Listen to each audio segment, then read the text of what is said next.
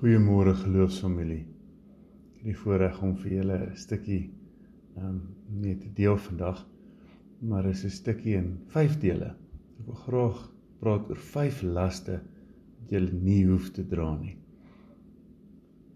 Ek dink Jesus sê in Matteus 11 vers 28 tot 30: Kom na my toe almal wat uitgeput en oorlaai is, en ek sal julle rus gee.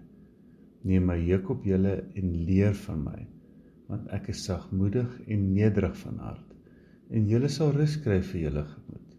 My juk is sag en my las is lig. Die cool ding van hierdie stukkie is dat uh, die juk waarvan Jesus hierso praat, so iets wees wat hy in sy pa se werkswinkel sou gemaak het, heel moontlik.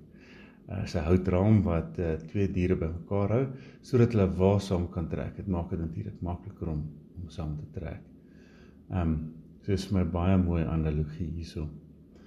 So, die vyf laste waarvan ek wil praat. Die eerste een is die las van angs. Ek gaan vir julle stukkies gee van hulle is bietjie langer, so as julle pen of potlood bymekaar het, skryf dit skryf dit neer, dan kan julle dit na die tyd lees. Ek gaan dit nie nou vir julle deel nie, dit gaan dan bietjie lank vat. Die eerste een is die las van angs. Dit kom uit Psalm 68 vers 19 en 20. Angstigheid is die rede vir vele kwale insluitend depressie, hartklopings, angsaanvalle en nog ander ernstige siektes.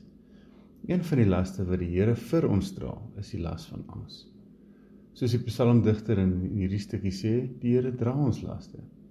Jesus sê ook natuurlik in Matteus 6 vers 27 dat niemand 1 uur by sy lewe sou kon voeg deur te worry nie. Dis 'n paraphrase so 'n bietjie daar. Die las van mislukking lees Johannes 18 vers 25 tot 40. In hierdie stukkie lees ons dat Simon Petrus vir Jesus 3 keer verloon. En natuurlik toe die haan kraai besef hy dit net soos Jesus vir hom gesê het. Net soos ek en jy dit besef as ons weer in die middel van 'n gewoonte son te trap of op die talle ander maniere wat dit kan gebeur. Dit ontstaan is oor 'n taxi of iets anders wat ons 'n politikus hoor sê. Maar hier leer ons ook hoe Jesus hierdie mislukkings hanteer. In Petrus se geval, ten spyte van die raad, verraad, kom hy terug van die dood af, vergewe hom en dan herstel hy vir Petrus en sy autoriteit en sy menswees. Dis 'n smoor voorsmaakie wat vir ons ook beskikbaar is.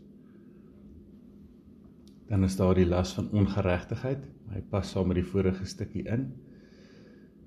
Een van die dinge wat my seker die meeste ontstel is 'n onregverdige verhoor. Die idee van 'n korrupte regter of regsoffisiere van die hof is 'n perversie van geregtigheid.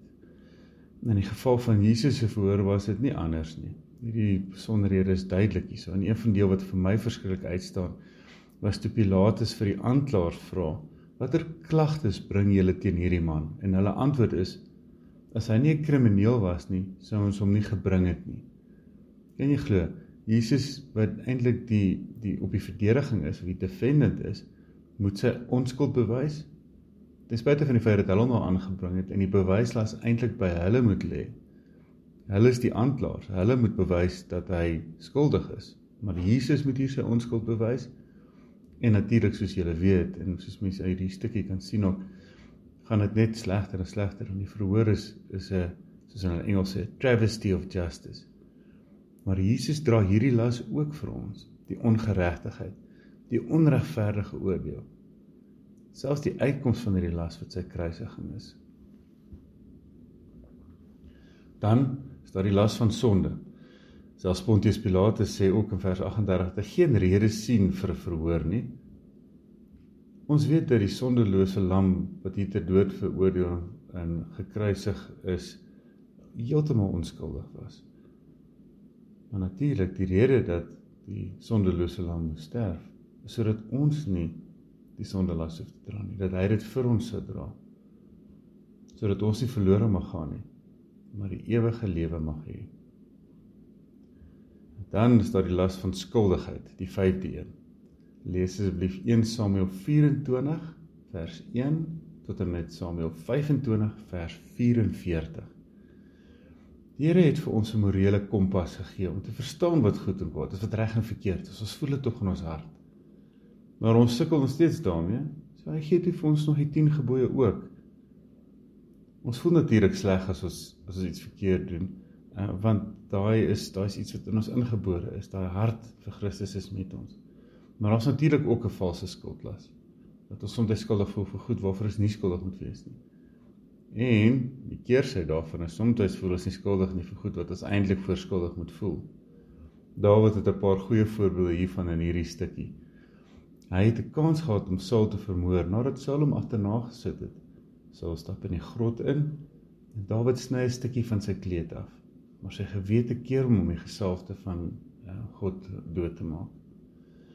En hy konfronteer hom op vir Saul en sê hy gaan dit nie doen nie. En hy staan onskuldig. Het Dawid byna 'n groot skuld op hom gehad nadat hy vir Nabal ehm um, sy familie amper uitgewis het. Hulle het hom 'n uh, eh, uh, eh, oneer aangedoen en hy wou hom wreek op hulle. Gelukkig het Abigail eh, hom um, gered met diplomatieke briljantheid en hy het gekeer dat hy teen haar onskuldiges wreek. Maar belangrike ding is hy het nie die aksie geneem nie en die Here het geregtigheid laat geskied. Natuurlik Die waarheid van die skuldigheid is dat ons eintlik werklik skuldig is en skuldig was totdat die Here vir ons op die kruis gesterf het. Nou is ons skulde vergewe. Kom ons bid saam. Dankie Here vir die kans om te hoor van hierdie laste wat wat so maklik is om saam te sleep. Die goeders wat so maklik bootankers word in ons lewens en ons terughou. Here ons hoor dat U ons laste vir ons wil dra, dat U juk-sag is. Here dat U ons vergewe Here, laat ons nie hoogmoedig wees om nie u vergifnis te aanvaar nie, selfs as ons onsself moet vergewe. Here, dankie Here vir hierdie kans dat uh, ons weer kan leer van die woord, Here. Vra dat daai laste en, en wat wat by ons sit, Here, dat ons dit kan afskud. En kan dankie sê dat u aan die kruis gesterf het sodat ons vry mag wees, vry van hierdie laste. Maar soos u ook waarsku, ons moet nou vorentoe gaan en nie weer sondig nie. Want dit is u wil vir ons. Dankie Here vir u genade.